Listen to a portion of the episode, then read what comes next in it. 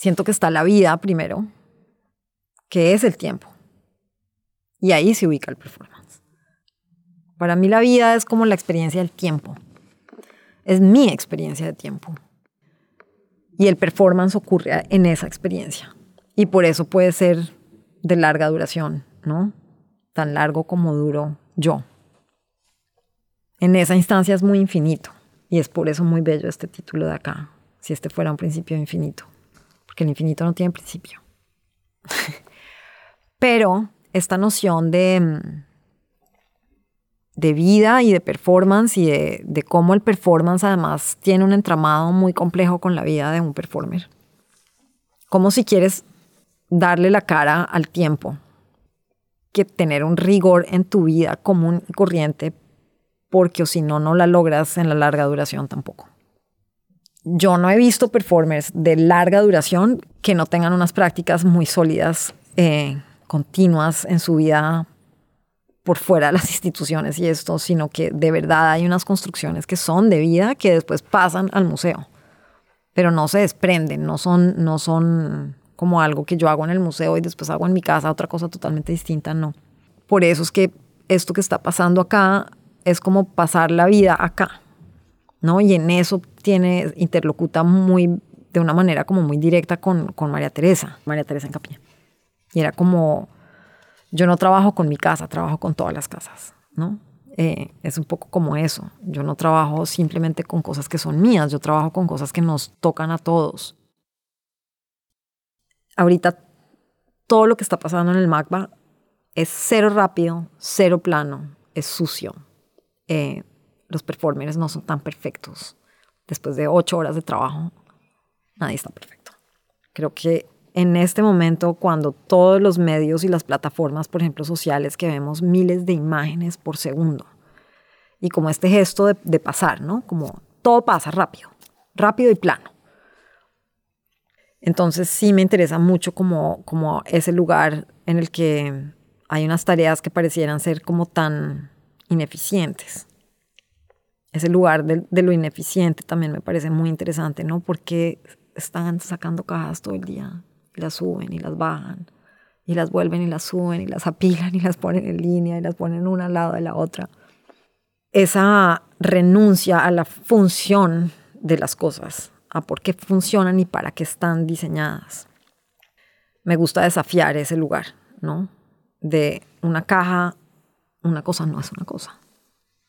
Eh, si yo subo la caja mil veces, esa caja adquiere otra dimensión totalmente distinta y para un espectador que está en el museo, por ejemplo, dos horas y me ve las dos horas subir la misma caja y volverla a bajar y subirla y volverla a bajar y subirla y volverla a bajar y arrastrarla despacito y más rápido y menos rápido.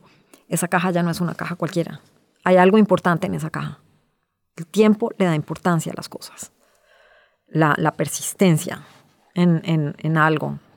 Pero hay algo que empieza a suceder y es que empezamos a ver la vida, lo vital. Y creo que la vida es eso, es un lapso de tiempo que uno tiene para desarrollar un proceso que debería poderlo desarrollar.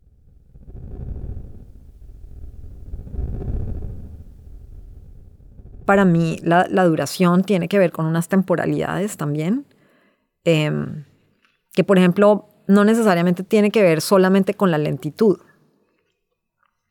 En el trabajo de María Teresa la lentitud era importante porque ella anotaba una serie como de, de ideas con esa lentitud y le hacía resistencia como un poco a la velocidad del capitalismo y toda esta cosa, que en su momento fue muy importante.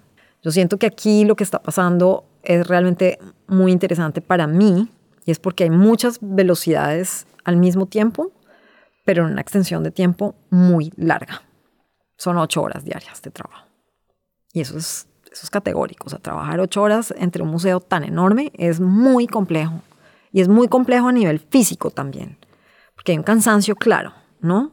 Porque el espacio es gigante, porque es apabullante, porque la escala que tenemos en relación a lo que toca hacer en todo el espacio es realmente muy, muy, es un gran reto. Pero cuando uno tiene toda esa extensión de tiempo, yo siento que el reto más grande al que se puede confrontar un performer es al tiempo, porque se está, se está confrontando con su propia muerte, eh, con algo muy finito, ¿no? Cuando uno ve el tiempo y se encara con el tiempo, se da cuenta que lo que uno tiene es nada. Y entonces, por ejemplo, tú tienes experiencias de tiempo cronológico en el que llevas trabajando las ocho horas y te dicen se acabó el tiempo y ya se va a cerrar el museo y tú dices, ¿cómo así? Y te das cuenta que el, que el, tiempo es otra materia y eso, eso es, depende de, cómo lo percibes y cómo lo trabajas y, cómo lo doblas y lo, des, lo des, como que lo, lo despliegas eh, o lo pliegas y trabajas con él o trabajas en contra de él o, hay una resistencia a esto o hay un momento de aburrimiento, por ejemplo, también, que es muy claro en todos los performers de larga duración, en el que se nota que están, estamos aburridos. Pero es que, ¿por qué no? E, esta, esta situación de, por ejemplo, cuando los niños ahora están aburridos, las mamás entran en una cosa terrible porque ¿cómo se van a aburrir? No, es que tienen que estar aburridos en algún punto. Los niños con estas estas, por ejemplo, estas agendas, la clase de esto, la cosa del otro, el taller de esto, tal, ¿verdad? O sea, a esta hora van al parque, a esta hora hacen esto, a esta hora la otra, y después los conectamos, ¿no? Al, al, al iPad. Todo tiene que pasar rápido y tiene, tengo que hacer mil cosas para que el tiempo se vuelva como algo que es como una droga. Y entonces nunca paras, pero nunca vives. Hay que parar. Hay que parar esta cosa de tanta actividad. Entonces cuando hay, algo que te para, lo que te obliga a pensar es en qué estoy viviendo, qué es lo que me está pasando, qué es lo que me, lo que me cruza, con quién estoy. ¿Te toco o no te toco? ¿Te hablo o no te hablo? ¿Hay alguna resistencia como, como miedo a eso? ¿Será que me acerco? ¿Será que no me acerco? O sea, estás, cuando no para, le toca negociar con todo, con todo, porque todo se vuelve importante.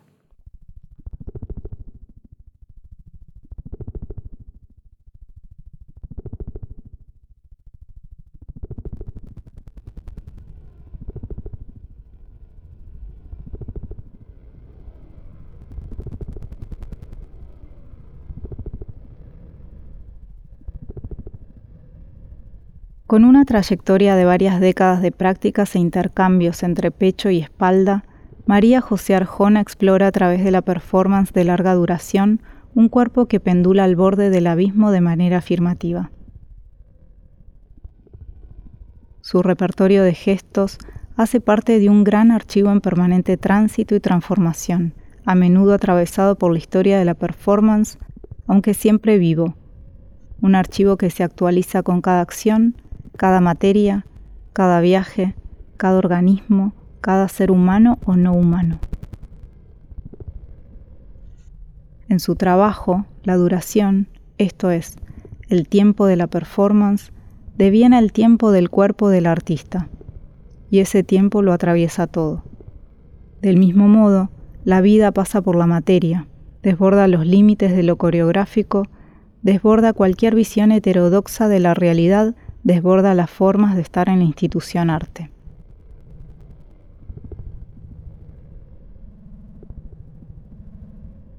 En sus viajes y caminatas a primera hora de la mañana, las cosas le encuentran y entonces a veces devienen oráculos, traducciones infinitas de otras cosas, índices de un tiempo por venir. Y en su devenir animal, parafraseando a Deleuze, la artista se reconoce en la manada de lobos, en los cuervos en mutualismo y en las águilas migratorias que viajan con ella, de norte a sur y de sur a norte, encontrándola una y otra vez en sus proyectos. A menudo para protegerla, otras como símbolos con los que deslindar fronteras e identidades fijadas.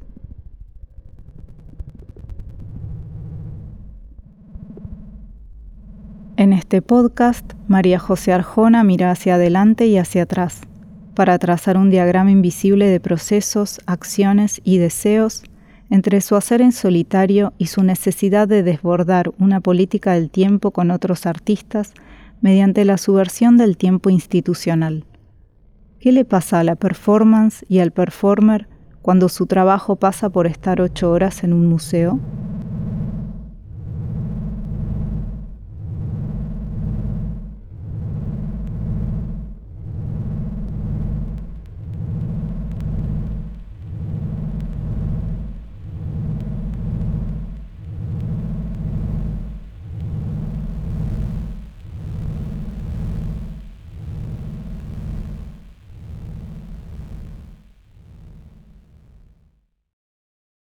Yo bailé mucho tiempo y tuve un accidente en la rodilla y me hicieron reemplazo total de rodilla y después se infectó, me dio un estafilococo y quedé en la clínica un montón de tiempo.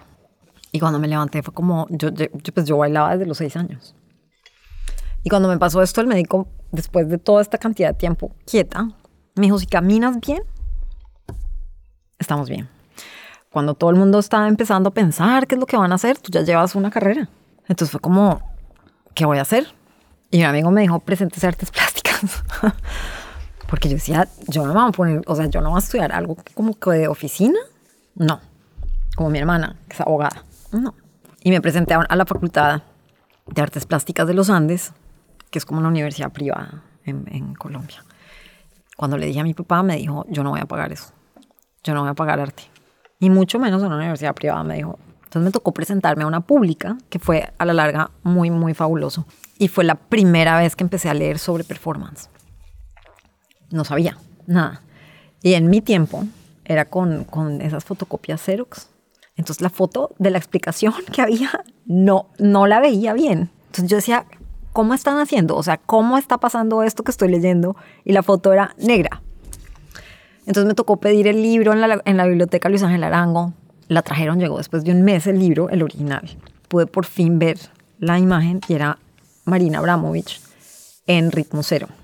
Y dije, ¿cómo está haciendo? Porque si no hay nada coreográfico, ¿cómo sabe? ¿No? Y pues por fortuna empecé como a encontrarme con algunas personas en la universidad y con una filósofa específicamente que se llama Consuelo Pavón. Ella me empezó a introducir a Deleuze. Nos presentamos para el, primer Salón Nacional de Artistas en el que yo participé, que se llamaba Actos de Fabulación. Y yo había tomado también unos, unos talleres de buto con Ushiba Magatsu, el de Sankayuku. Y lo único que me permitió hacer en el taller, ni siquiera me enseñó a caminar, no me enseñó a nada, sino me hizo parar huevos todo el taller la primera acción que yo presenté en, esa, en ese salón fue parar 365 huevos. Y en ese momento me di cuenta que no estaba coreografiando, sino que simplemente estaba haciendo como, tenía como un, un, task, como un, un, objetivo, pero que no necesariamente tenía que saber cómo era. Es porque quién sabe cómo, cómo te enseño a parar un huevo. No es una técnica, mejor dicho. Y ahí esa es como la gran diferencia también con el performance, ¿no? el performance no es una técnica hice eso y cuando terminé de hacer ese performance, la persona que estaba ahí era María Teresa Encapié. Y así fue como conocí a María y, María fue la que me empezó como a, hacer, como a, dejarme entender un poco más cómo, cómo funcionaba el performance y era, era la única persona también que en ese momento pues, era como la persona que hacía performance en Colombia y que hacía performance de larga duración. Cuando yo bailaba, a mí me interesaba mucho pensar como en cómo cómo poder bailar por ocho horas. ¿Por qué ensayamos toda la vida y nos presentamos diez minutos? ¿Por qué no nos presentamos seis horas? Porque no hay una extensión en el tiempo real. Con lo de la parada de los huevos, tuve claro que era la primera vez que yo no coreografiaba algo. Y me pareció que en esa posibilidad de, de extenderme en el tiempo era donde quería quedarme. Como que no necesitaba de toda esta estructura coreográfica para poder avanzar con mi cuerpo hacia ciertos lugares que me, interesaban mucho. Digamos que es muy peculiar porque ahora, por ejemplo, que estoy trabajando, estoy trabajando con bailarines. la mayor cantidad de performers son, pues vienen desde la danza. Estoy en Alemania y estoy trabajando con Meg Stewart, que es, viene desde la danza. Y estoy trabajando desde un lugar desde un pensamiento coreográfico, pero mucho más desde lo político. No me interesa tanto como el tratamiento del movimiento en el espacio y en una duración de tiempo y como saber exactamente qué va a pasar y todo esto, todo lo contrario, es como un poco al revés. Es como una invitación a que cada uno de estos artistas entienda como una serie de preguntas para que después esta estructura se pueda extender en el tiempo, pero sin saber nunca qué va a pasar es extraño también para ellos. O sea, no hay ninguna respuesta que yo esté dando, ¿no? Ni hay ninguna. Simplemente la ves desdoblándose como todos los días y pareciera que hay como un acuerdo, y sí hay unos acuerdos que ocurren hacia adentro, pero digamos que no son coreográficos. Entonces es, es como un lugar, yo siento que, que, que, porque digamos que siento que en este momento estoy llegando como momento en el que realmente estoy viendo como toda la potencialidad de mi trabajo en una estructura que nos permite eh, generar como lugares de acceso en, en instituciones donde el cuerpo es muy complejo, siempre. ¿no? Porque siempre o viene desde la danza o viene desde el performance y son los cuerpos muy establecidos, con las estéticas muy establecidas, con las funciones muy establecidas. Cuando tienen, por ejemplo, bailarines, los bailarines no están en el museo sino un día o dos o una semana. Eh, hacen como sus intervenciones y listo. Aquí están en todo el museo, por todos lados, desdoblando todo el espacio de mil maneras durante el tiempo total de la exposición. Entonces también nos están permitiendo tener como un gran laboratorio en la mitad de una exposición. ¿Cómo medias esas, esas temporalidades? Y eso fue algo, por ejemplo, con lo que nos confrontamos en Medellín muchísimo. Los pedazos de pasto. Em, en Medellín, cada pedazo de pasto pesaba 7 kilos.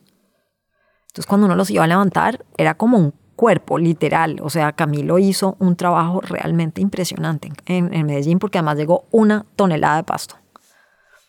Que cuando llegó al museo, Emiliano me llamó furioso, como diciéndome, llegó tu pasto y se nos embarró todo el museo. Y en la medida en que fue pasando la, exhibición, sí, se volvió complejo y es complejo, pero esa, esa es la vida. La vida no es esta cosa tan absolutamente minimalista que nos invitamos, o sea, como que nos inventamos, porque se vuelve como reducir toda la materia a, algo que está procesado, contenido y controlado. Aquí hay cosas que se desbordan, los mismos cuerpos están desbordados, o un día en algún punto que alguien se desnudó. Y entonces ahí mismo alguien de seguridad, ¡ah! Se desnudaron los performers y fue como, estamos en un museo. Y los niños es como, ¿cuál es el problema? Ninguno, no hay ningún problema. Y fue como, ahí mismo fue como, ah, pues sí, estamos en un museo, hay desnudos en los museos, sí, no hay ningún problema. Y el tiempo, de alguna manera, lo que hace es que también hace que la institución cambie. Sobre todo cuando hay cuerpos transitándolo, porque no es fácil regularlos, no es fácil controlar como el ímpetu de cada cual, ¿no? Y como las personalidades, y cómo se negocia, y cómo se conversa, y cómo llegamos a unas negociaciones y a unos acuerdos para que podamos subsistir todos, pero entonces es una cosa súper democrática. Y esos procesos políticos requieren de tiempo. ¿Cuánto duramos para que las mujeres pudiéramos votar? ¿En cuánto tiempo se abolió la, la, la, situación con el aborto en Estados Unidos? Esto es gravísimo, pero, pero es una cosa de temporalidades. Es una cuestión de tiempo, es de, de, de, de negociaciones continuas. Entonces, en, ese, en esa instancia a mí me, me importa el tiempo porque es una cuestión política y tiene que ver con una economía, pero con una economía del afecto. Aquí lo que estamos, la, transacción no es otra, sino afectiva. Ellos van a poder durar en la medida en que puedan negociar ciertas cosas. O si no, se matan. Porque, hay porque va a haber tensión, porque va a haber un cansancio, claro, que viene con los meses. Em, ninguno ha hecho ninguna obra de toda esta cantidad de tiempo. Entonces van, va a haber un momento en el que, como en cualquier familia, por el tiempo y porque todo el mundo crece de maneras distintas y son diferentes y tienen personalidades diferentes y toda esta cosa, empiecen a existir unos cruces y unas tensiones y eso les va a tocar resolverlo hacia adentro. Pero esa es la gran belleza del tiempo, ¿no? Que tengo tiempo de resolver, tengo tiempo de negociar, tengo tiempo de decir, perdón, me equivoqué y entonces lo hago mejor o lo hago de otra manera o no, no lo voy a cambiar, ¿no? Pero creo que en esa instancia, esa, esa, esa, ese lugar de lo, de las, del, del tiempo y de la duración y de, de los intervalos y de las negociaciones es donde a mí me interesa que la obra suceda. Y cualquier proceso de relacionamiento requiere tiempo. Con el público, por ejemplo, en estos días me contaron cómo el público empezó a interactuar con ellos inmediatamente. Una niña que duró dos horas haciendo la acción con ellos. Si no tienen el tiempo, no lo pueden hacer. Y eso es como el gran regalo de un performer, es cuando el público entra en interacción contigo.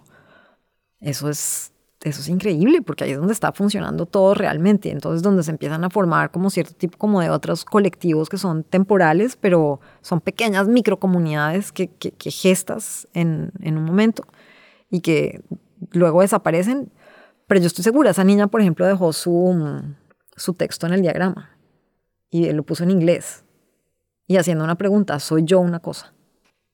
Las preguntas, las buenas preguntas solamente surgen con tiempo y se hacen con tiempo. Y entonces en esa instancia también me parece que preguntar es muy político, sobre todo también viniendo desde nuestros países en donde preguntar tiene un precio muy complicado por el proceso de violencia, ¿no? La gente es mucho más callada. Entonces tenemos una gran cantidad de jóvenes haciéndose grandes preguntas en las calles por cuatro meses. Entonces siento que hay, muchas cosas que pasan desde el lugar de la calle al lugar del museo y que están, están pasando ahorita y que esa es como la gran potencia del de larga duración en esta instancia. Creo que, que hay, hay, algo muy, muy afortunado para, para, para el cuerpo que no tiene que ver ya tanto con el que tan lento es, porque hay una lentitud. Hay momentos en los que ustedes entran y los ven como muy quietos, pero es también porque están pensando. Y eso es increíble.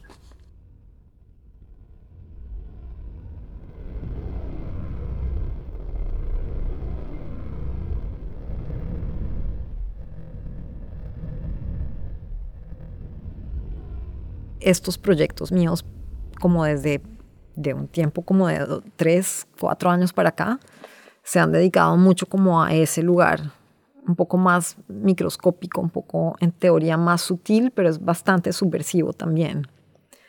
Porque cuando ya lo ves crecido, es como, como nunca te diste cuenta, pero de pronto está este gran organismo habitando el espacio y es, y es por el tiempo. Me da esa gran posibilidad de proliferar como calladamente y silenciosamente y de pronto articular como algo mucho más grande. Y también por eso también me ha parecido interesante, por ejemplo, no estar en el lugar como hegemónico del artista, como María José Arjona, sino, no, estoy como en el mismo nivel que ellos juego, a lo mismo que ellos juego, lo que ellos propongan también, pero también me voy. Y, la obra realmente eh, queda en manos, o sea, es un voto de confianza enorme, ¿no? Meg Stewart me decía eso, yo no sería capaz de hacer eso. De soltar mis bailarines en un museo y que hagan lo que quieran, no. Pero es un llamado a la libertad, ¿no? Es como, yo confío, hemos trabajado y hay un vínculo afectivo que se plantea desde el momento en el que los invitamos a la audición. Cuando se hizo la selección de las propuestas, eh, fue súper complejo porque además yo tenía una idea de cómo seleccionar los participantes. Primero no pensé que íbamos a recibir tantas propuestas. Uno.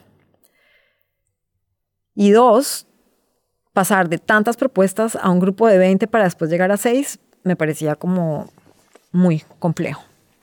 Pero cuando, cuando finalmente tuvimos el grupo de 20, de ahí en adelante, por ejemplo, yo llamé a cada uno, hablé con cada uno una hora, eh, porque quería como que nos oyéramos y que no fuera como esta audición de danza que yo sé que llegan con unos nervios terribles y como a, a, de, verdad a una pelea enorme para ver quién queda. Si no les dije esto va a ser como un taller experimental y vamos a ver qué pasa, yo tampoco sé qué pasa. No lo he hecho yo. Yo tenía planteado como un PDF que se les compartió después, pero yo no había ensayado ese PDF. Nada. Entonces yo llegué como en el mismo lugar de ellos y yo no llegué como, como a decirles, tú haces esto, tú haces esto, tú haces esto y miremos a ver quién lo hace mejor. No, sino estas son como las ideas, empecemos. Y yo haciendo lo mismo. Entonces también es como, como borrar un poco como este lugar también de la autoría, del, del artista, como está presente, ¿no? Sí, es verdad, o sea, estamos todos presentes para eso es una pieza con siete artistas más, ¿no? Y que están como colaboradores en los, en los títulos de la pieza y todo. No, no es una cuestión solamente mía. Me interesa mucho ese lugar como de, de, uno como un artista que lleva un poco más de, del, del recorrido, como este lugar de acceso para otros. Eso me parece importante, me parece mucho más interesante, ¿no? Y me parece que ahí está el futuro de mi trabajo, de mi obra, esa es la obra, a la larga, ¿no? Entonces creo que aquí están, aquí en el MAGBA se están como materializando una cantidad de cosas que llevo trabajando como años y que finalmente además pues como que encuentran el lugar adecuado para, para, para, para suceder.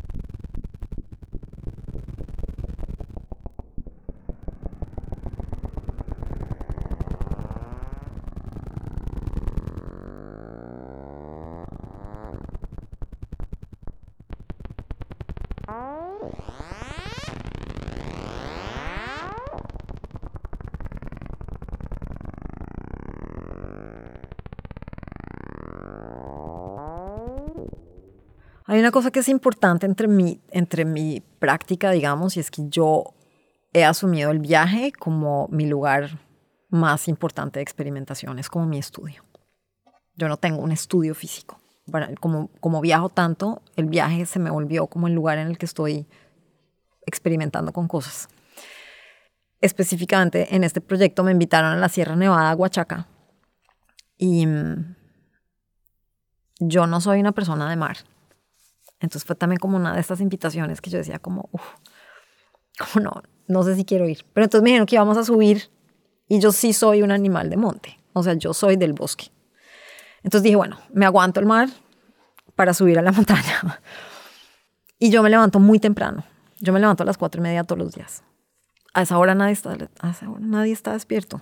Entonces, por lo general, lo que hago es caminar. Y como a las cinco y media empecé a salir a caminar y empieza a salir el sol. Y particularmente la, el lugar donde estamos es el lugar por entre el que entra el río Huachaca que viene de la sierra y entra al mar. Entonces se forma como una corriente muy específica en la que quedan estas cosas ahí mucho tiempo y de pronto salen al mar y las traen las olas.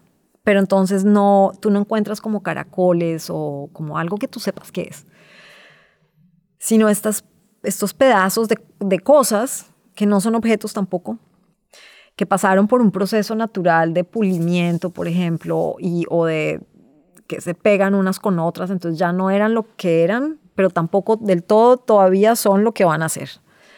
Y ese lugar de, tránsito me pareció muy interesante, ¿no? Como en, una cosa, como que no es un objeto, no es algo que puedo usar tampoco, sino es como un lugar en la mitad que lo obliga a uno a relacionarse desde un, desde un lugar un poco menos descifrable. El lugar tiene como una cosa muy impresionante y es que tiene unos cielos absolutamente despejados, entonces uno ve las estrellas. La relación con lo cósmico es muy clara.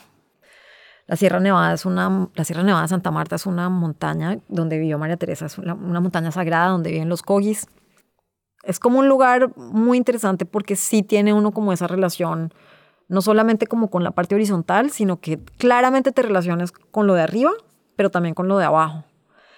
Entonces sí estás como muy conectado. Como que ahí sí, eso, como toda esa teoría de que sí estamos conectados con todo y existe lo cósmico y lo, como lo, el inframundo y eso, en este lugar sí lo sientes, o sea, tu cuerpo se siente claramente como en un eje concreto, como un axis. Y yo empecé a recoger estas, estas, no vayan a creer que son objetos grandísimos, caben en la mano, son pequeñitos, que también me gustó mucho, ¿no? Como no son estos grandes objetos espectaculares, son cosas muy chiquitas. Yo siempre recojo lo que puedo cargar. Nunca me hago como a cosas que no puedo como manejar yo misma. Entonces empecé a ponerlas en la mesa en la que desayunábamos y esto, y de pronto, como después de unos días, habían todas estas cosas en la mesa. Y todo el mundo me empezó a decir, ¿qué es esto? Y yo les decía, yo no sé qué son. Y entonces todos empezábamos a mirar, ¿y qué es esto? ¿Y por qué esto? ¿Y, bueno, y, de, para qué servirán? Y entonces en algún punto les dije, pues tenemos que mirar a ver qué son. ¿Y para qué están acá? ¿Y por qué nos llegaron ahorita? Y yo tenía un, grupo de personas en la que había un biólogo, una filósofa, dos personas que venían de teatro y yo. y una fotógrafa. Y todo el mundo las ordenaba y las reordenaba y entonces las agrupábamos y estábamos también tratando de que se secaran un poco para ver qué pasaba cuando ya estuvieran secas. Y eso me pareció increíble porque uno tiene la, la como siempre esta, este impulso rapidísimo de, de decir esto es esto y fue esto y vino de acá. Y haces como toda una cosa arqueológica para que te lleva hacia atrás. Pero estas piezas ni siquiera, estas cosas ni siquiera me permitían hacer esa excavación, ¿no? Y cuando subí a la sierra, hablé con un mamo, que es como un chamán, pues como un hombre de, conocimiento. Y, me, y me, me, dijo dónde las, dónde las encontró. Y me hizo describirle exactamente como la parte atmosférica, como estaba. Y en, en, el momento en el que yo había recibido las piezas o, las, o ellas me habían encontrado a mí, era muy temprano en la mañana y viene mucha niebla desde la montaña. Y cubre toda la, el, digamos que el horizonte. Entonces me dijo, bueno, si las cosas llegaron en el agua y no hay línea horizontal y usted no sabe de dónde vienen, pues vienen del más allá. Y por eso usted no sabe nombrarlas. Entonces dije, ahí está. Y es muy impresionante porque lo que está pasando ahí es que estas cosas no me están anclando a un pasado, sino que me están disparando al futuro. O sea, son archivos de futuro pero cómo interactuamos con ellas. Y todo el proyecto de NS Arte se despliega y se desprende de esta noción de que todo lo que viene desde un lugar donde tú no sabes de dónde vienen, pues viene el futuro.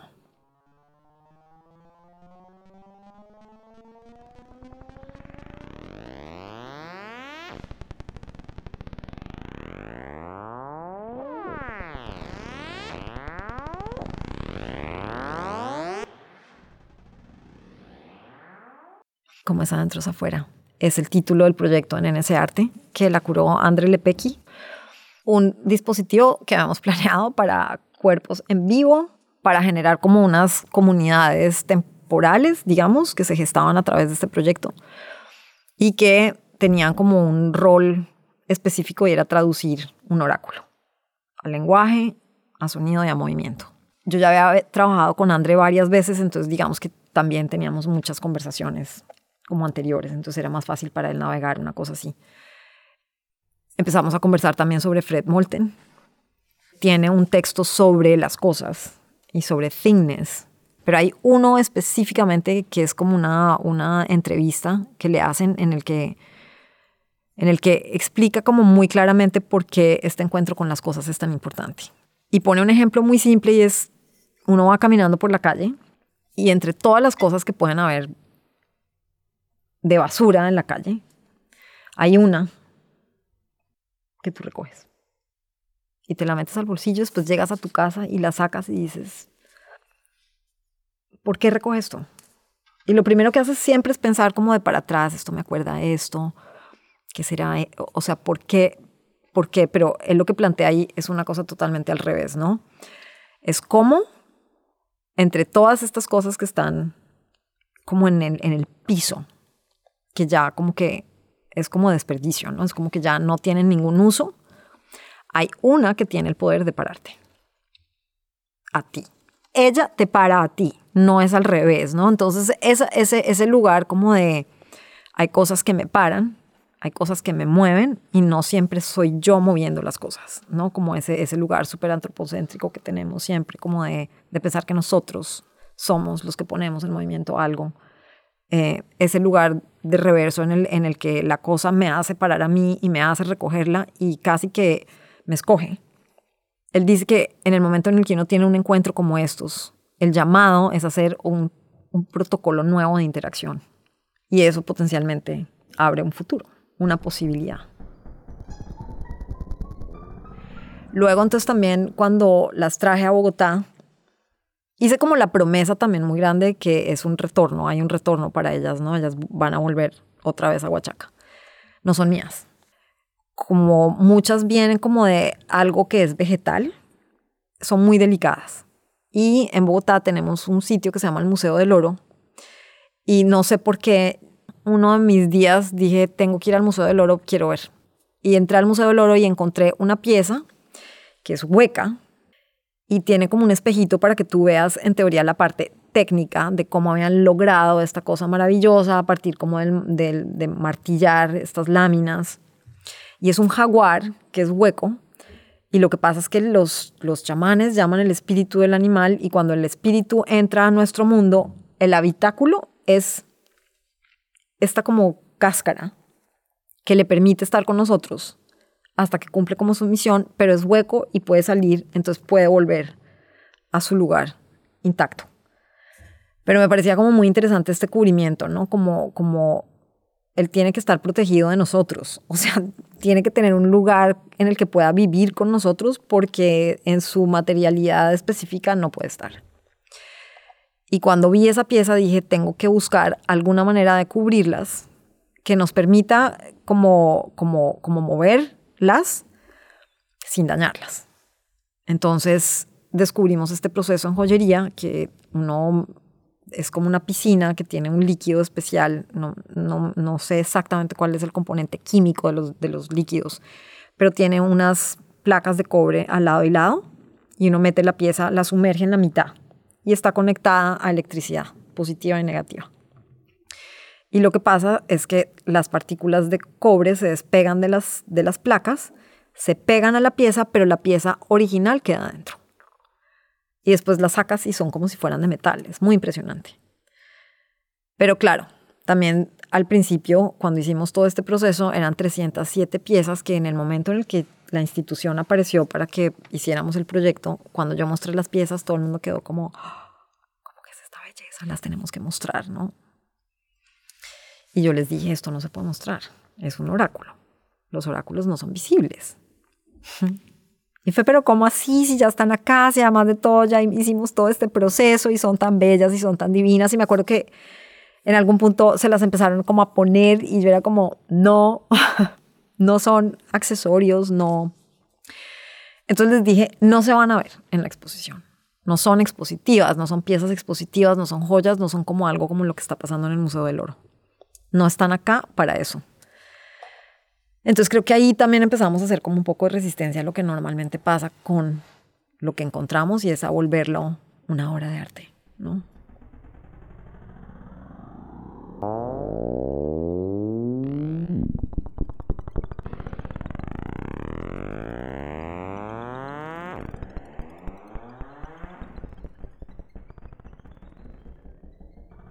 El proyecto se planteó antes de la pandemia y cuando finalmente ya lo pudimos como materializar o lo íbamos a materializar, aparece la pandemia.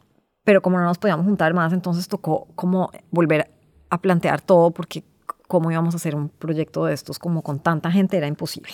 Y había otra cosa que era como muy imposible también y era que Andrés estaba en Nueva York o en Brasil, yo estaba en Colombia y Meg Stewart estaba en Berlín.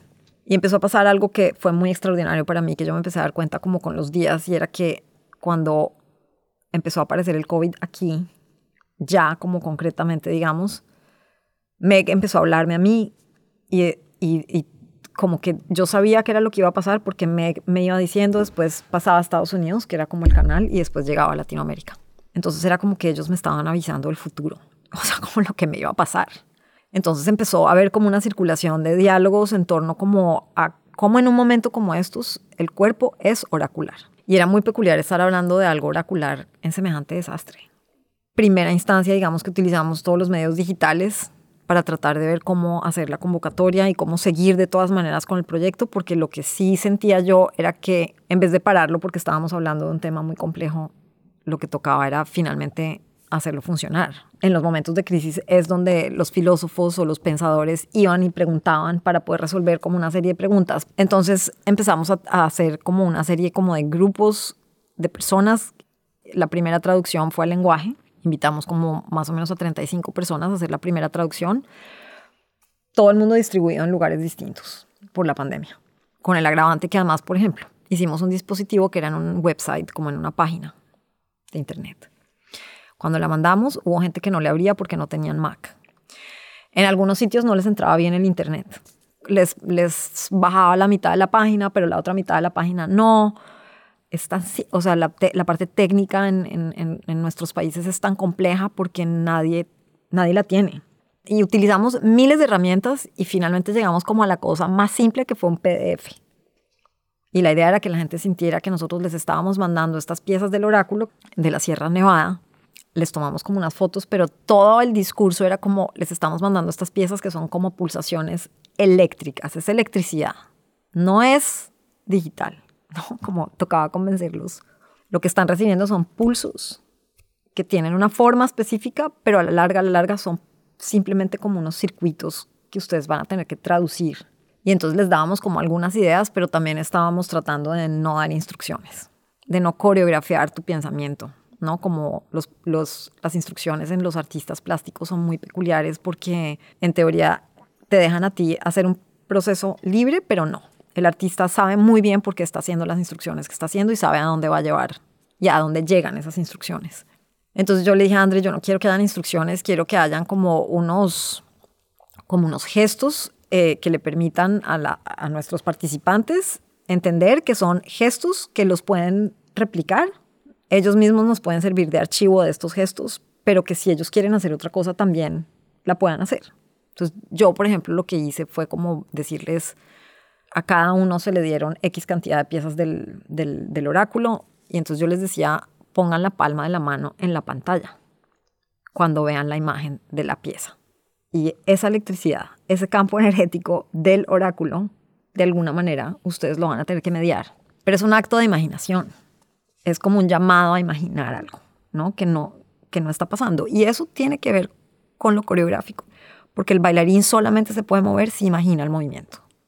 Pero ese acto de imaginar es futuro, porque lo lanza al movimiento que viene, pero que todavía no tiene, ¿no?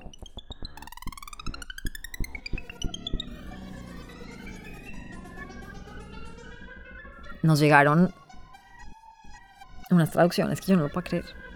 O sea, textos de 57 páginas, por ejemplo. O sea, tratados sobre el futuro. Había una artista con la que yo he trabajado con ella consistentemente que se llama Juanita Delgado, que tiene un trabajo de voz muy potente.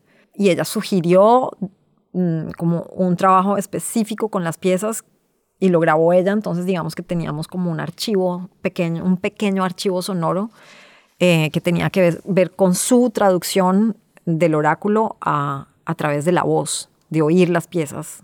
Y entonces este acto también de escucha, que, que fue como muy impresionante durante todo el proyecto, se volvió como el acto político más grande, como en medio del proyecto, ¿no? Como, como, como nos oímos en un momento como esto, cómo oímos las cosas eh, y cómo estas cosas nos empiezan a redistribuir a nosotros, ¿no? ¿no? No nosotros a las cosas, sino cómo las cosas nos empiezan a mover.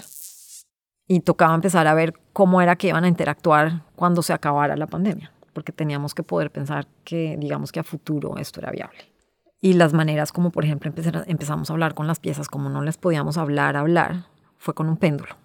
Entonces había una persona que, la pendula, que penduló las piezas desde Berlín 307 piezas, a cada una se le preguntó cómo, en qué plano quería interactuar. Y eso sugirió como una constelación, después como una división de las piezas, otras que eran mensajeras que cruzaban entre, las, entre los mundos, digamos, entre las capas de,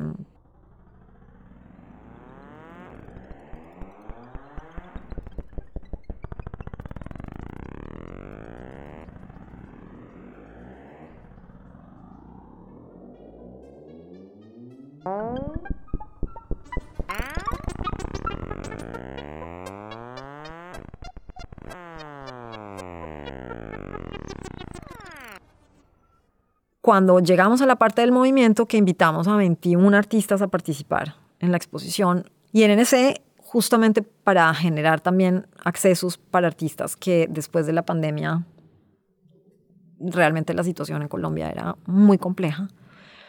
La idea era también darle visibilidad a toda esta cantidad de, de, artistas que conozco además y que pues les conozco sus trabajos desde diferentes lugares entonces, ¿no? No, no era tanto como yo dándoles instrucciones de qué hacer, sino de abrir un espacio en el que habían una serie como de ideas que se las pasamos y la invitación también fue como muy pensada, ¿no? Es como una invitación a colaborar. La única condición era la no violencia, porque habíamos, estábamos pasando por un momento súper violento. Porque además también siento que estamos en un momento en el que siempre nos es más fácil destruir siempre es más fácil decir no, no quiero, no, no, no me interesa, me resisto a la circunstancia y yo digo perfecto, nos resistimos, pero entonces tiene que haber una propuesta. por cada no un sí, no como algo que construya, porque, porque entonces, ¿en dónde quedamos? Nosotros hicimos una serie de diagramas. Cuando te das cuenta de todo el proceso en el diagrama, te das cuenta de lo que han hecho esas cosas. Unieron más de ciento y pico de personas, eh, convocaron más o menos unas cinco mil y pico de personas durante la exposición en Bogotá. Nosotros simplemente funcionamos como, como, como mediums de ellas, mm, pero no fue al revés. Nunca fueron expuestas, por ejemplo, estaban enterradas en las paredes de la galería, simplemente para que energéticamente nos acompañaran, pero no eran visibles. Entonces también hubo como esta gran pregunta de, de si el oráculo existía, que me parece súper interesante, ¿no? Como qué es lo que existe y qué no existe dependiendo de qué crees y en qué no crees. Y también era un llamado a creer, ¿no? Como, a, como es que si no creemos, pues no, si tú no crees no hay posibilidad de ningún cuerpo que venga. O de este pueblo del que habla del es por venir, ¿no? De estos, esta potencialidad de algo que viene y que estamos llamando y que invocamos, pero que todavía no llega del todo. Entonces, de alguna manera, como esto de cómo es adentro es afuera, eh, también lo que genera es como un lugar intermedio, ¿no? Como el cuerpo es ese lugar de la mitad, es un lugar más de frontera, que es lo que atraviesa todo el proyecto. Las piezas siempre no estaban ni en el río ni en el mar.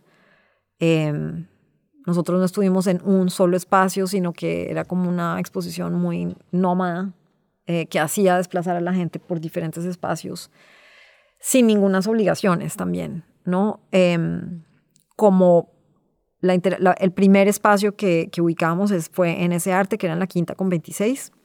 El tratamiento que, tuvo, que tuvimos con cada una de las personas que participó en, en esta parte del oráculo fue exactamente el mismo que cuando pendulamos las piezas. Como tratamos las cosas igualito que tratamos la gente, las pendulamos, le sacamos su numerología, después de la numerología escogieron una serie de esencias olfativas que tenían que ver con el territorio colombiano, por ejemplo, entonces inhalaban el paisaje y después de como, claro, estas, estas esencias que, que, que destilamos con un alquimista en Bogotá que se llama Osvaldo, tienen un efecto muy grande en el cerebro. Entonces, cuando la gente olía las, las, las, estas, estas como, como esencias, ahí mismo el cerebro empieza a operar distinto, entonces todo el aparato discursivo para. Y lo que pasa es que entras en el cuerpo y te permites la experiencia.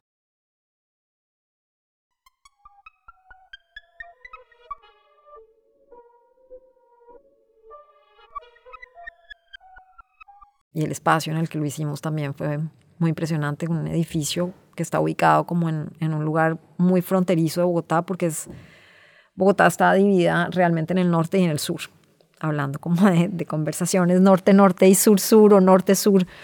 Mm. Pero este edificio está como en la 26, mm, que es donde hay, después de la 26 hay un barrio que se llama el barrio Santa Fe, que le llaman un barrio de tolerancia, es un barrio muy complejo de Bogotá, pero también muy importante de Bogotá y es donde está ubicado como toda la prostitución. Em, o sea, hay una serie de problemáticas, digamos, que sociales muy complejas. Pero de ahí hacia el sur, digamos que es como otra Bogotá, y de ahí hacia el norte es como otra Bogotá. Y este edificio está ahí, y es un edificio que lo construyó una firma de arquitectos inglesa que no me acuerdo cuál es. Cuando tuve la posibilidad de, tener acceso a este espacio, me pregunté mucho si era el espacio correcto, porque también como que habla mucho como del capital, de la, de la posibilidad que tiene el capital de, estructurar o de edificar o de modificar un poco las zonas que son centrales para, para, para una ciudad y todo esto. Pero lo que me llamó la atención muchísimo es que era en un piso 39 y yo nunca había visto una vista de Bogotá como esa. Por la ubicación puedes ver a Bogotá de sur a norte y por todo por detrás los cerros, las montañas. Y además estás en el cielo. O sea, el panorama era literalmente con lo que tú te confrontabas como performer, era este cielo gigante con estas nubes de unos tamaños increíbles. Entonces también era muy oracular, era como muy chamánico el lugar. Y que todos estos artistas pudieran entrar a este lugar y ver la ciudad en la que estaban, como la escala me parecía muy interesante, ¿no? Como no somos el centro porque es que la extensión de esta ciudad es tan enorme. Y ahí, además, justo enfrente está el cementerio central, entonces también, pues hay como una, hay como una, una, un cruce de fuerzas muy impresionante entre lo que está vivo y lo que muere, entre lo, lo, lo espectral, lo que es un poco más fantasmagórico, esta llamada oracular este llamado social y político a, tener acceso para que todos podamos tener alguna voz ¿no? que, nos represente, que nos haga visibles em, en medio de una invisibilidad muy grande. Entonces creo que, que em, eso es lo que han hecho estas cosas.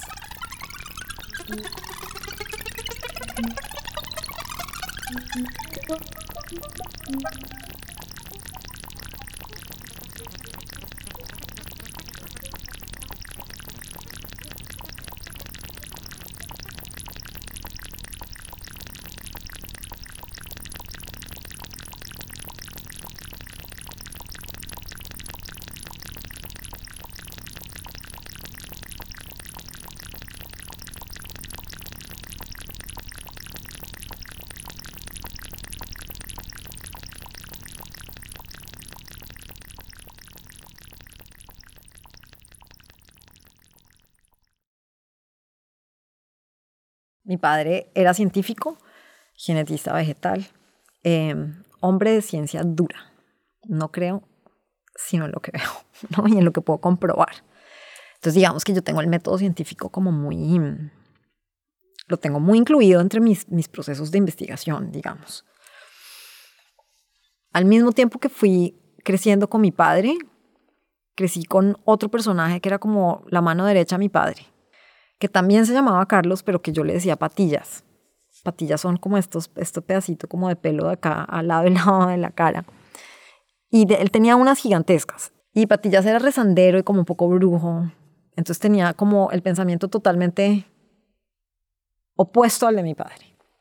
Pero yo los vi a los dos funcionar de maneras muy impresionantes durante mi niñez. Entonces digamos que el ordenamiento de mi cabeza como que funciona por un lado de una manera muy, muy racional pero de para el otro lado puedo ser muy intuitiva y puedo como creer en cosas que normalmente la gente no creería, si fuera tan racional, ¿no? Mi padre, yo hacía recolecciones chiquita y me decía, mete en tu bolsillo todo lo que tú no sepas qué es. Y cuando llegue, yo, por la tarde, tú lo tienes todo en el piso y yo te voy a explicar qué es cada cosa. Y mi papá era un contador de historias, pero increíble o sea, como un cuentero de estos así extraordinario. Entonces yo tenía todas las cosas que había recogido durante el día y no solamente empezaba a ponerlas como de una manera muy específicas en el suelo, sino que además me empezaba a dibujar y me empezaba a conectar todas las cosas que yo había recogido. O sea, me empezó a hacer entender que había como una relación entre una y la otra y que no podían estar separadas la una de la otra y por eso las había encontrado en la medida en que iba caminando. Y por ejemplo, me hacía caer en cuenta de cuando, por ejemplo, de la cantidad de veces que había recogido la misma cosa. La misma semilla, la misma pepa de mango, em, la misma hormiga, la misma mariposa, y empezamos a hacer como una recolección, por ejemplo, de eso, como, una, como unas colecciones de cosas, de por qué habían cosas que me llamaban más la atención que otras. Entonces, digamos que sí, desde muy chiquita, sí vi un ordenamiento que me permitía además como mover las cosas, no era un ordenamiento fijo, ¿no? Que se quedara quieto, sino que entonces, por ejemplo, si yo recogía una cosa nueva, me decía, esto viene aquí porque tiene una relación directa con esto, con esto, con esto, con esto, como la naturaleza está toda relacionada.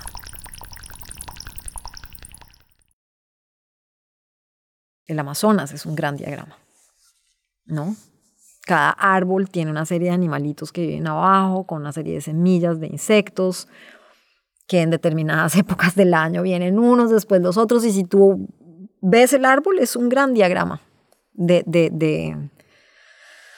de, convivencia. Entonces, ya después de mucho tiempo, em, tuve contacto con el trabajo de un artista brasileño que se llama Ricardo Asbaum que yo creo que es de los diagramas más bellos que yo he visto. de las cosas más interesantes que yo he visto en arte contemporáneo es el trabajo de él. Y en ese momento me di cuenta que podía ser como una herramienta de construcción de comunidades y, de, y, de, y para agenciar cosas desde un lugar como muy simple. Es una herramienta que puede empezar en algo muy sencillo, pero que tienes la potencialidad de, de, de, de un devenir mucho más complejo pero que siempre te permite ver las cosas moviéndose, ¿no? Como lo que sea que tú estés estudiando, los diagramas, más allá de lo científico. Porque yo pienso que lo que yo estoy ahorita son unos diagramas como muy complejos, con un montón de relaciones y de cosas que van y desaparecen y después vuelven a aparecer. Em, tengo diagramas que son, por ejemplo, solamente de tiempos o diagramas de, de encuentros o diagramas de espacios o diagramas de pendulación, diagramas que tienen que ver más con la parte sonora, por ejemplo, pero se están volviendo casi que los textos de mi trabajo, porque me permiten desplazarme en el tiempo y ver como cosas que, por ejemplo, estoy, con las que estoy funcionando como ahorita, y después empezar a trazar algo, por ejemplo, para atrás y encontrarlo y moverlo otra vez. Entonces me estoy dando cuenta cómo esta manera de, entender el mundo a través de, un diagrama mucho más flexible también que lo que hacen los científicos, que es más rígido y es más aburrido. No está despegado para nada de algo muy, muy del cuerpo, siento yo. Es como el lugar más afortunado para que el cuerpo escriba, por ejemplo. Entonces siento que el diagrama me permite esa poética del movimiento, de la transformación, de agenciar, de deslindar, de volver frontera todo, de permitir que todo esté en transición, pero al mismo tiempo volverlo legible.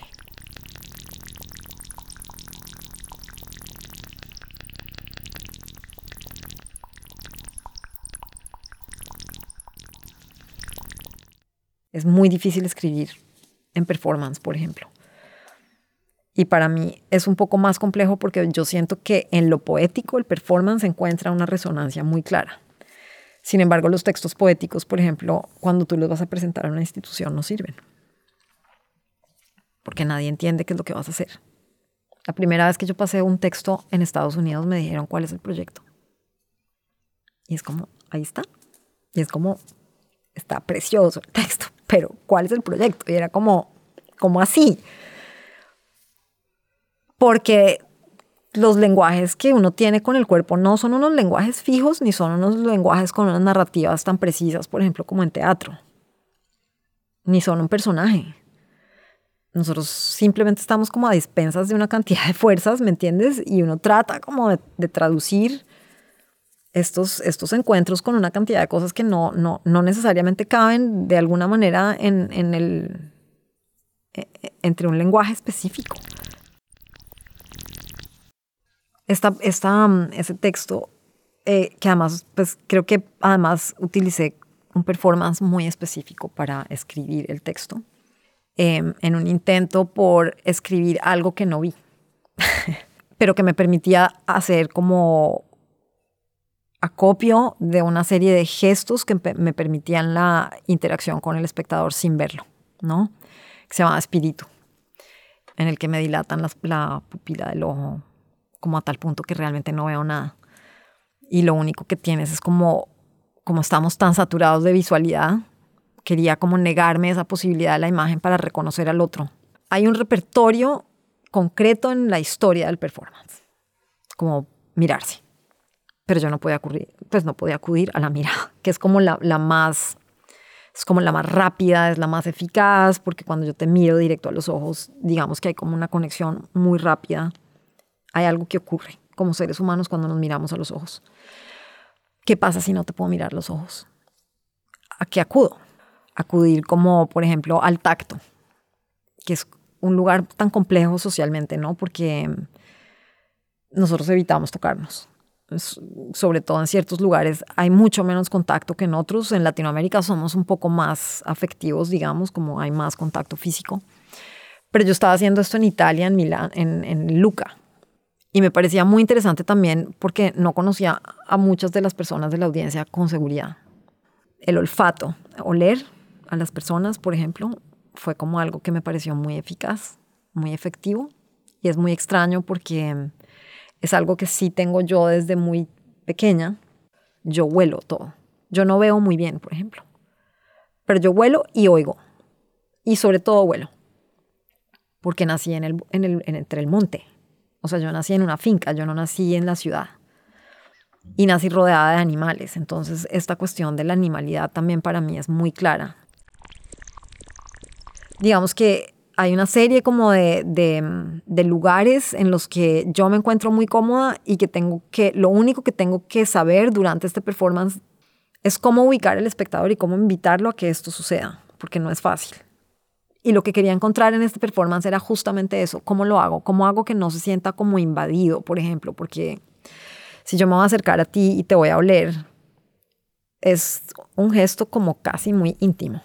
Y esa fue como la investigación que hice durante, durante Espíritu. Y lo primero fue como extender la mano, ¿no? Como no te veo, no te veo, pero de alguna manera te estoy extendiendo la mano.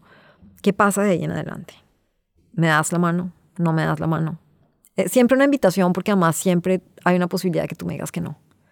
Que también pasa mucho en el performance, la gente le da pánico la interacción, ¿no? Es como, hay performance, hay interacción, no voy. O me salgo. No, porque nos da pánico el cuerpo. Y es más pánico realmente que cualquier otra cosa. Es, un miedo terrible a que algo te, te conmueva o a que otro te conmueva. Porque además hay una cantidad de otros elementos de cuando yo me conmuevo, cuando otro cuerpo me toca. Y es que van a decir las otras personas. Aquí había como esta cosa muy mágica y era que la gente sabía que yo no veía porque lo primero que hace la persona, esta persona que tenía las gotas, es mostrar las gotas a todo el mundo y ponerlas en mis ojos. Entonces la gente sabía que yo no veía nada.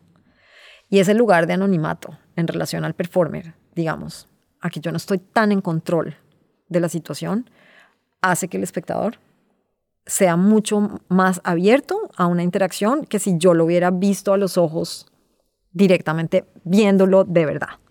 O sea, este lugar de la no imagen me pareció muy afortunada da como un grado como de, de inocencia, ¿no?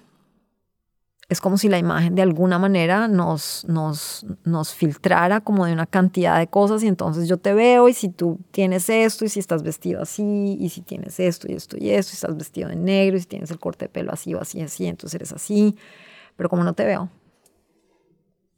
Hay un montón de juicios que hacemos a a partir de la imagen, ¿no? Y como no la tenía, entonces creo que el mismo espectador también se dio la posibilidad de permitirme ese contacto. Entonces sí fue muy impresionante el primer espectador al que le tendí la mano. Ahí mismo, primero me pone como un dedo. Un dedo, fue como un dedo.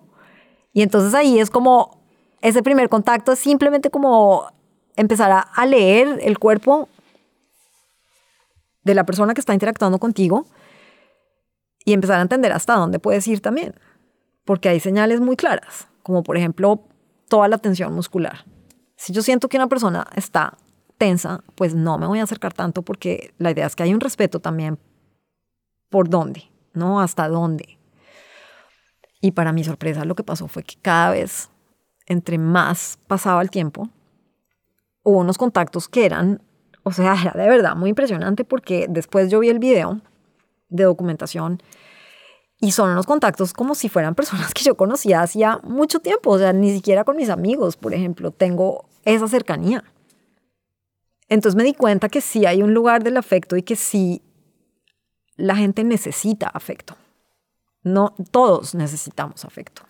Este, este mundo es demasiado duro, ¿no? Entonces, esa dureza recarga el cuerpo de un miedo a no me toques. No me toques porque yo no quiero sentir nada. Y menos de una persona desconocida, es como el abismo, ¿me entiendes? Es como lanzarte en vacío, al vacío en, algo que no tienes ni idea a lo que te va a llevar, además no sabes qué vas a sentir, tienes un montón de juicios de qué tal que sienta esto, será que es esto, será que es lo otro, y resulta que estas interacciones lo que me permitieron a mí entender era que justamente porque hay un respeto muy grande que parte desde mí hacia el cuerpo de la persona que me estoy encontrando. En ese momento, esa persona lo siente también. Un espectador puede, por ejemplo, sentir cuando un performer está asustado. Y, por ejemplo, Marina Abramovich lo dice, son como perros. Los perros sienten el miedo de las personas y en ese momento empiezan a ladrar.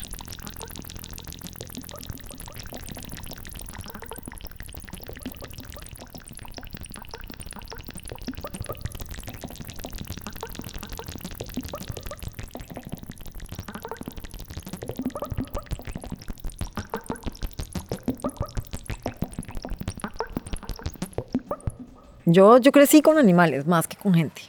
Entonces me comunico con ellos mucho más fácilmente que con las personas. Tengo una relación muy estrecha con los lobos. Y la tuve desde que llegué a Estados Unidos. Fue como el regalo que me dio Estados Unidos, fue como un regalo invertido al de Boyce.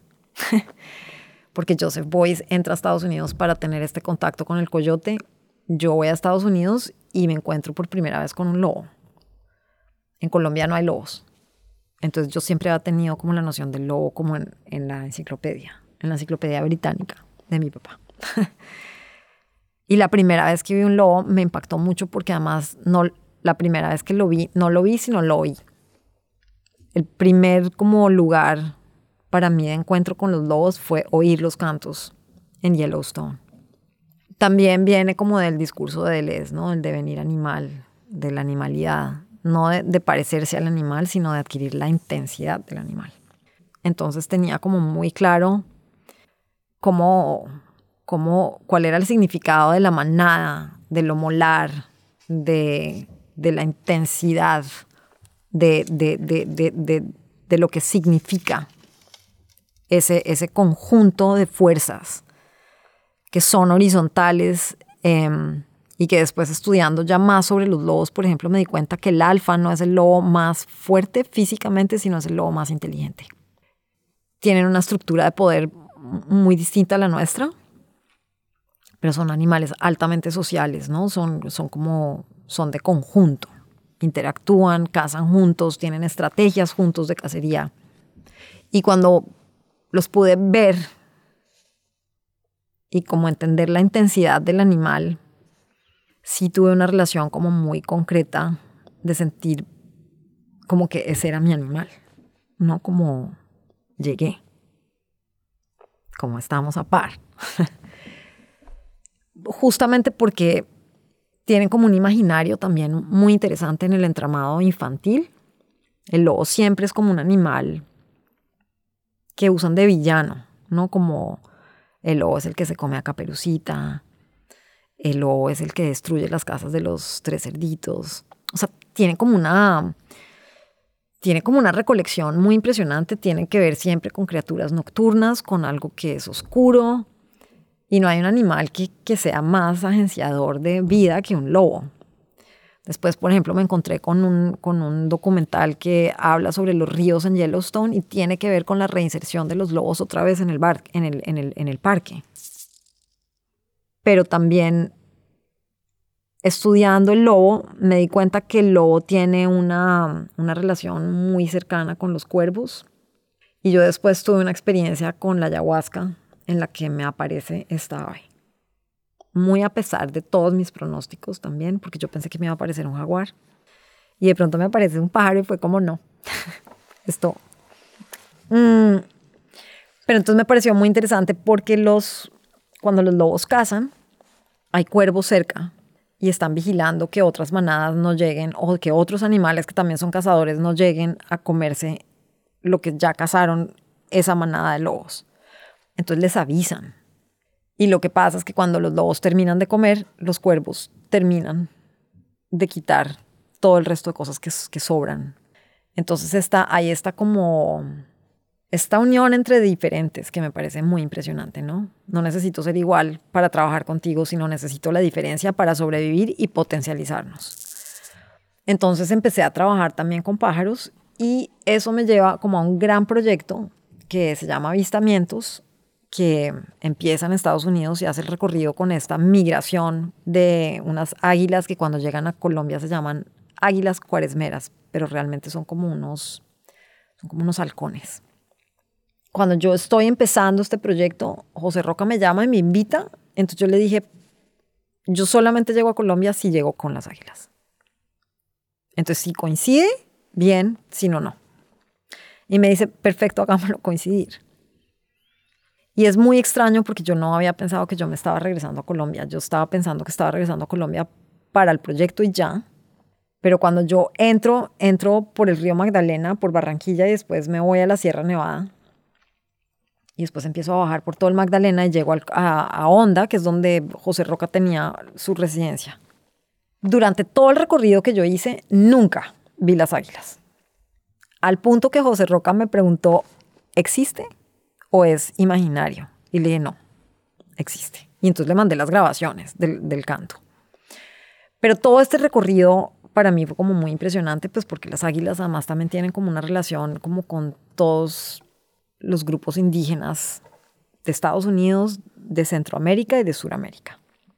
Y hay como una, una relación muy clara de lo, del, del espíritu del águila con el sol, como además finalmente es como el vínculo que tienen los hombres con el gran espíritu, toda esta cosa. Y esa fue la manera como yo volví a Colombia. Y fue a través de lo animal. Y eso para mí es muy categórico, porque yo no entré como artista. O sea, yo no llegué como a decir, vengo a esta exposición, con José Roca y todo esto, sino que entré como con esta manada de animales, de pájaros, por el río Magdalena, como volviendo a reconocer el país que había dejado hacía 16 años. Entonces sí fue muy poderoso para mí porque además los animales no tienen este problema de la identidad. Todo el mundo sabe quién es, ¿no? Y todo el mundo se reconoce como gente. En la selva todo es gente. Igual que tú. Entonces está todo mucho, es más horizontal. Es un tramado más horizontal. Para mí entrar con esto de esta migración, además como inmigrante, eh, me daba también la posibilidad de no llegar a Bogotá de una manera tan rígida, sino poder como encubrirme detrás del canto de este pájaro. Que luego, por ejemplo, después fuimos a Alemania con el mismo proyecto y coincidimos con el momento este que en Colonia hubo como esta gran revuelta porque un grupo de migrantes había violado a una cantidad de mujeres alemanas y en ese momento todo el sistema migratorio empieza a colapsar porque empiezan los alemanes a decir no queremos más gente. Yo llego justamente en ese momento y llego hablando de migración a un país en el que estaba pasando algo que categóricamente le ponía un peso muy grande a los pueblos que estaban migrando porque estaba hablando desde lo animal, pude hablar de las virtudes de la migración y de, las, de la potencialidad que se, que se tenía con las migraciones, porque estaba hablando desde el lugar desde el que estaba hablando. Entonces siento que cuando uno se hace alianzas con lo animal, es mucho más fácil decir ciertas cosas que cuando haces alianzas con otro humano porque hay de por medio una intensidad totalmente distinta circulando y un, cuerpo que enuncia desde otro lugar. Entonces me, permite también como materializar y darle corporeidad a cosas que normalmente si, si las vuelvo de una forma humana, caigo en lo identitario, en la nacionalidad, en la edad, en el género, es artista, hace performance, no sé, se viste de negro, mm, Sí, o sea, hay tal cantidad de categorías, en cambio los animales no. Los, los animales deslindan, ¿no?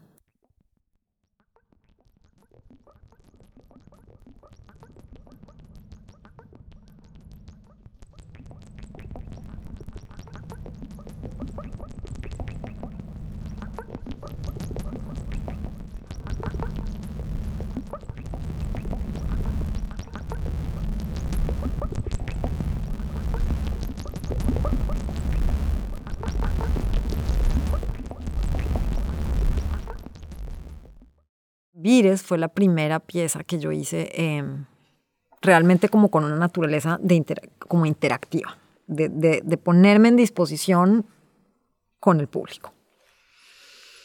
También haciendo como una crítica muy grande a, las, a los conceptos de poder, ¿no? ¿Qué es, qué es el poder? Amanda empezamos en, en Nápoles Eh, la itineración de Vires empieza en este lugar en Italia. Y empieza en el Madre, que fue el primer lugar donde Marina hicieron performance con Ulay en Italia. Entonces también como que me servía mucho porque yo venía a lo del MoMA. Y sacamos un lobo mm, de taxidermia en un carrito que iba, el recorrido pasaba por todas las instituciones políticas o de poder de Nápoles. Y en la mitad del camino nos pararon. No, nadie puede llevar el lobo por las calles de Nápoles porque además el lobo es de los romanos. Y los napolitanos y los romanos, o sea, es como una tragedia. Y además, entonces se va a dañar el lobo y que yo no sé qué. Entonces, bueno, entonces pues yo me cargo el lobo literal para poderlo llevar al museo, pero nos queda un tiempo que se había, pues nos habíamos comprometido como con un montón de gente a que el recorrido iba a durar X cantidad de horas. Y en ese momento me acuerdo de la acción de Bali Export, en la que ella saca como con una correa al curador del museo y lo pone a caminar como un perro por todos lados, como haciendo esa inversión del poder, ¿no? Em, y entonces yo le digo a Eugenio que me saque a mí, yo reemplazando el lobo, y que le dé la correa a las personas por Nápoles, pero que la gente me puede llevar por donde quiera. y yo nunca había ido a Nápoles, entonces tampoco conozco la ciudad. Entonces digamos que estaba un poco como a disposición, un poco de por dónde me iban a llevar y cómo, y además pues yo también estaba como un poco, tenía toda esta indumentaria también, un poco que se utiliza en el sadomasoquismo, como de, de, de, de, restricción de movimiento, todo esto que yo sabía que además era un lenguaje que iba a funcionar para este performance específicamente. Y en la documentación es muy bello porque además te das cuenta cómo, cómo asume cada persona el poder de llevar a alguien, ¿no? Y también saber que es inmigrante porque se ha anunciado que yo era colombiana. ¿Qué pasa en, ese, en, esa, en esa relación, no? De la correa, del perro, con los, estas anteojeras que le ponen a los caballos que solamente te deja ver para adelante. Eso que tiene que ver con nuestra noción de progreso, ¿no? Eh, el que solamente puedas ver para adelante, no puedes ver nada para los lados, no puedes, no puedes ver nada más, ¿no? Y como esta animalidad también en el manejo del otro y de la cosificación del animal también, ¿no? Después había otra instancia que era el de la fuerza, el poder de la fuerza.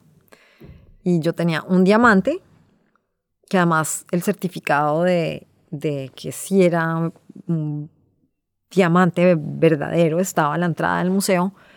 Y la idea era que la persona que me lo sacara se llevaba el diamante. Esto pasa como por unas diferencias muy grandes dependiendo del país en el que estoy.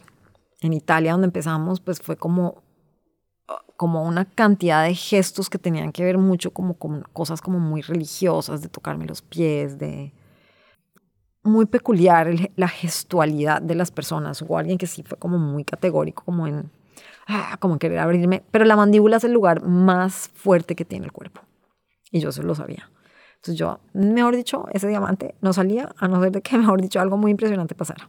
Como yo voy a guardar este diamante porque también lo que está detrás de esto es que para que yo tenga ese diamante entre la boca, están pasando miles de cosas en África, ¿no? O sea, la tierra guarda estos tesoros de una manera muy categórica y hay que hacer cosas exorbitantes para poder tener uno fue muy chistoso porque después de horas de forcejeo, de negociaciones, de que me abrieran la boca, me jalaran el pelo, bueno, toda la cosa, llegó un señor como que era como de Irlanda.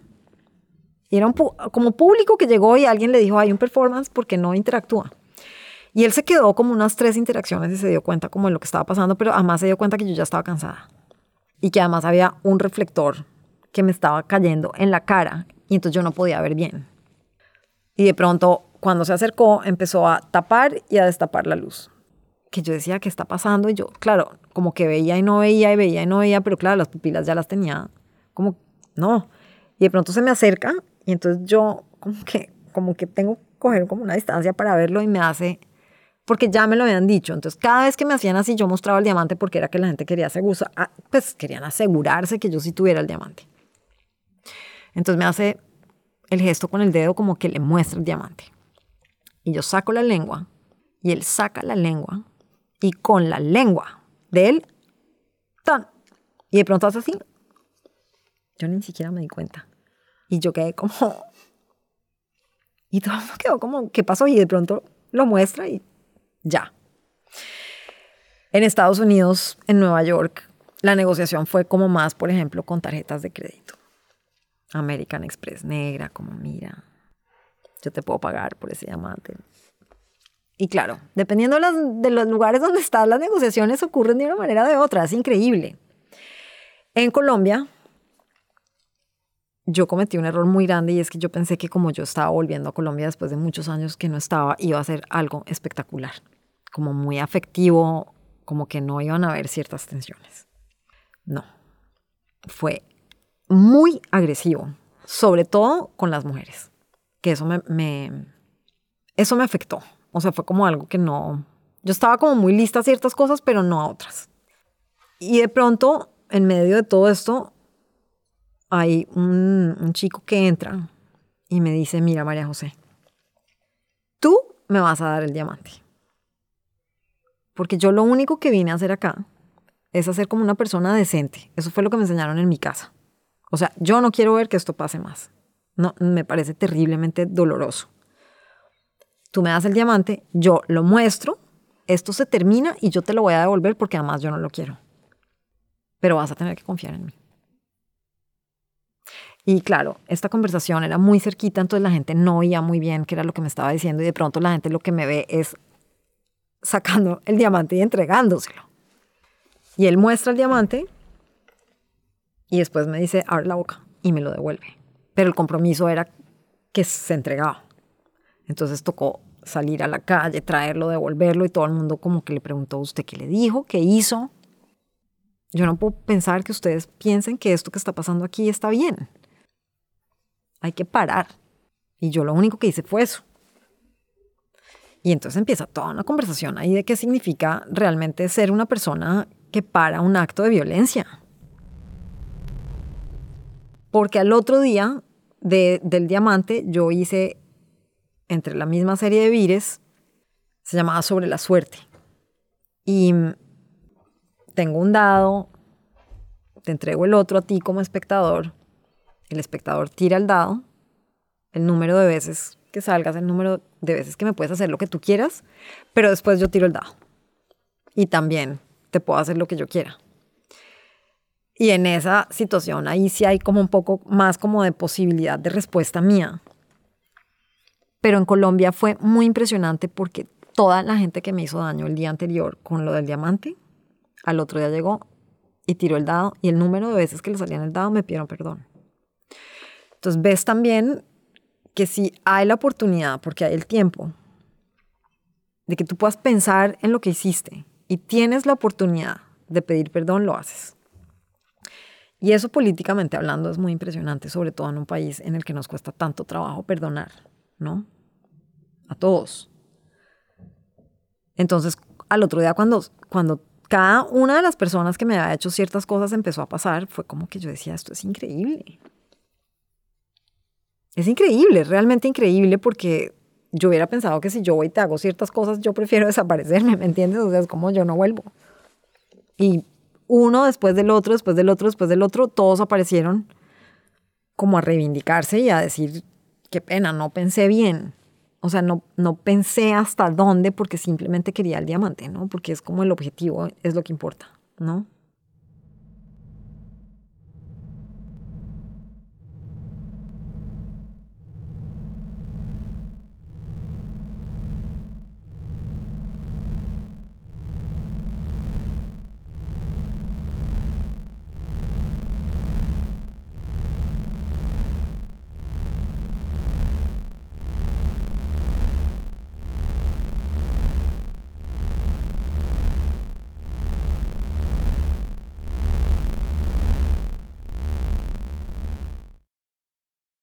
Yo siento que, por ejemplo, esta, esta, esta posibilidad de mm, justamente de afirmar el cuerpo, porque además entiendo, por ejemplo, de dónde viene en gran parte la fuerza del performance. Hay unas fórmulas.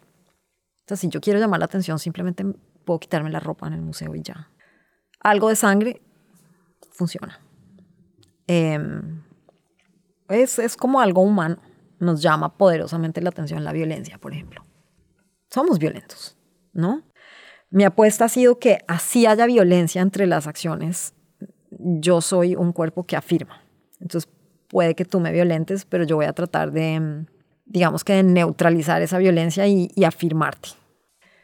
Entonces, obviamente me interesan los, unos lugares, me interesa el horizontal porque siento que son lugares realmente democráticos, ¿no? Como que todo, todos estamos ahí. Y si miro arriba también cuando veo el cielo, como que siento que es como una capa que nos cubre a todos por igual. Y siento que son como esos lugares, estas capas eh, horizontales que corren, lo tectónico me interesa muchísimo también, como las capas tectónicas entre el mar, eh, como se mueve la tierra. La tierra no se mueve para arriba y para abajo, sino son una serie de capas que se van acomodando y van cayendo unas, unas encima de las otras y van formando como ciertas, como relieves que lo vemos en los, en los movimientos de los performers aquí, cuando hay estas acumulaciones de cuerpos o de cajas y de cosas y de esto, que se generan como unos, unas topografías en el museo. Me interesa mucho la proliferación, como esto viral, ¿no? Como esto que es horizontal. Sí, no, no, es así, sino siempre cuando uno habla de virus, habla de algo horizontal. Lo mismo de proliferar. Em, y en ese sentido, lo que hace mi trabajo es proponer otra política. Es una política mucho más afirmativa. Entonces también es percibida a veces como si no fuera una cosa seria. Y es muy en serio, ¿no? O sea, creo que yo me di cuenta como de algo con un performance que hice en, Croacia. Eh, para la Bienal Cuadrilateral de Croacia, mm, que fue en Rijeka. Y yo hice un performance en el que tengo como cuatro micrófonos que en vez de micrófonos hay o sea, los, los, micrófonos están siendo reemplazados por unas cuchillas Gillette. Y me acuerdo que cuando entró la gente, todo el mundo se quedó esperando como a ver qué era lo que yo iba a hablar. Y claro, pues yo no iba a hablar nada, pero de pronto hubo alguien que dijo, ¿qué estará pasando? Porque, ¿Por qué no habla? O sea, ya llevamos mucho tiempo esperando y si no habla. Y como, ¿por qué cuatro micrófonos? Es porque era claro que además había algo extraño porque cuatro micrófonos, ¿para qué? Y de pronto la señora entra y se da cuenta que no hay micrófonos, sino que hay cuchillas y ella misma hace como... ¡Ah!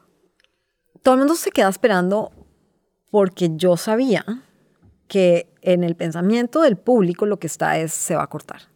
La yugular, sangre, horror. Va a pasar algo, ¿no? Y después de una cantidad de horas, entra la curadora, retira uno de los micrófonos y yo salgo. Y de pronto me dicen, pero no pasó nada. Y yo dije, estoy viva. Y es como, ah, es como si fuera gratuito que estuvieras vivo, ¿me entiendes? O sea, como que en vez de, de decir, esto es lo que realmente está pasando, el público está esperando es a que pase algo violento, algo que te ponga como en un lugar de crisis, porque es a lo que estamos habituados. Estamos habituados a la crisis y lo que ha hecho el performance históricamente también es presentar y avecinar una serie de momentos muy críticos que son muy interesantes en su momento, pero que ya nos toca pasar. O sea, ya hacen parte de un repertorio. ¿Para qué lo vuelves a usar? Eso ya, o sea, cada artista decide qué hace con eso, ¿no? Pero a mí me parece que viniendo de Latinoamérica, de una violencia tan desgarrada como la que hemos tenido, de un país en Colombia donde hemos visto muertos en el jardín de nuestras casas. Yo no me siento capaz de hacer eso. No siento que esté en mi, ADN tener que repetir eso, y mucho menos si conozco la historia del performance. O sea, ¿cómo, cómo puedo repetir algo como, por ejemplo, los performers vieneses? O sea, de amputar algo, de, de cortarme, de, o sea, yo he hecho performances en los que hay una gran tensión, pero es una tensión que estoy generando desde una parte psicológica para liberarlo en algo afirmativo. ¿No será que hay un punto en el que quiero criticarla, pero quiero proponer algo más? Que es la gran belleza María Teresa Encapié. En un momento en el que toda su generación estaba hablando sobre el conflicto armado, sobre el horror político y social de Colombia, María Teresa está caminando haciendo la divina proporción en el Salón Nacional de Artistas que se lo gana. Para mí eso fue un poder enorme, o sea, esa fue la primera vez que yo vi a María Teresa Y yo no vi nada más del Salón Nacional de Artistas, sino la obra de María Teresa. Me quedé todo el tiempo viéndola. Porque yo decía, que es esto tan increíble? Por ejemplo, estos, ella tenía estos pedacitos de pasto eh, con agua sobre cemento. Y yo decía que puede ser más impresionante que esto, que estos pedazos de pasto que salen así por entre las grietas de estos lugares tan inciertos para la vida, pero que la vida logra así como con una fuerza categórica y verde, como salir y proliferar, ¿no?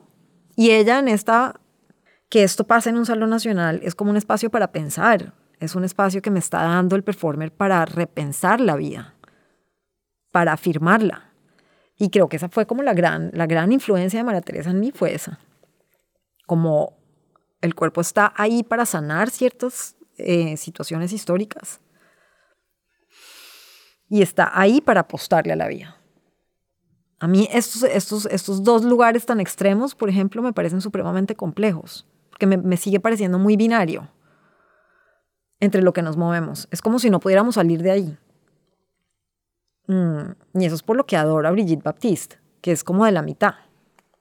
Es un poco como yo que nos llaman tibios en Colombia, porque entonces no eres como o de derecha a derecha o de izquierda a izquierda, sino como que estás ahí, agua tibia, como algo que no se sabe muy bien.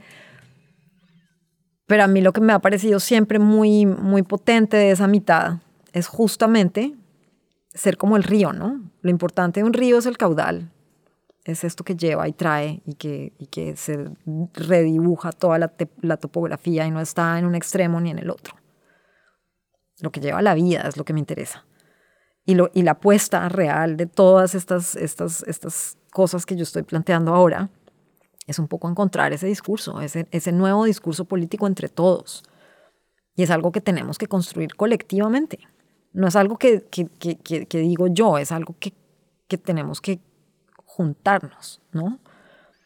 Y que tenemos que juntarnos además decididamente, no importa las identidades, porque lo que se está avecinando es como la no democracia. O estamos viendo tambalear las cosas por las que hemos peleado y por las que han pasado guerras y de todo, por la libertad, por el derecho de decidir qué quiero ser y cómo quiero ser y a dónde quiero ser y cómo lo quiero hacer. Entonces, ¿qué nos queda a los que trabajamos con el cuerpo? Pues apostarle al cuerpo, que es la vida.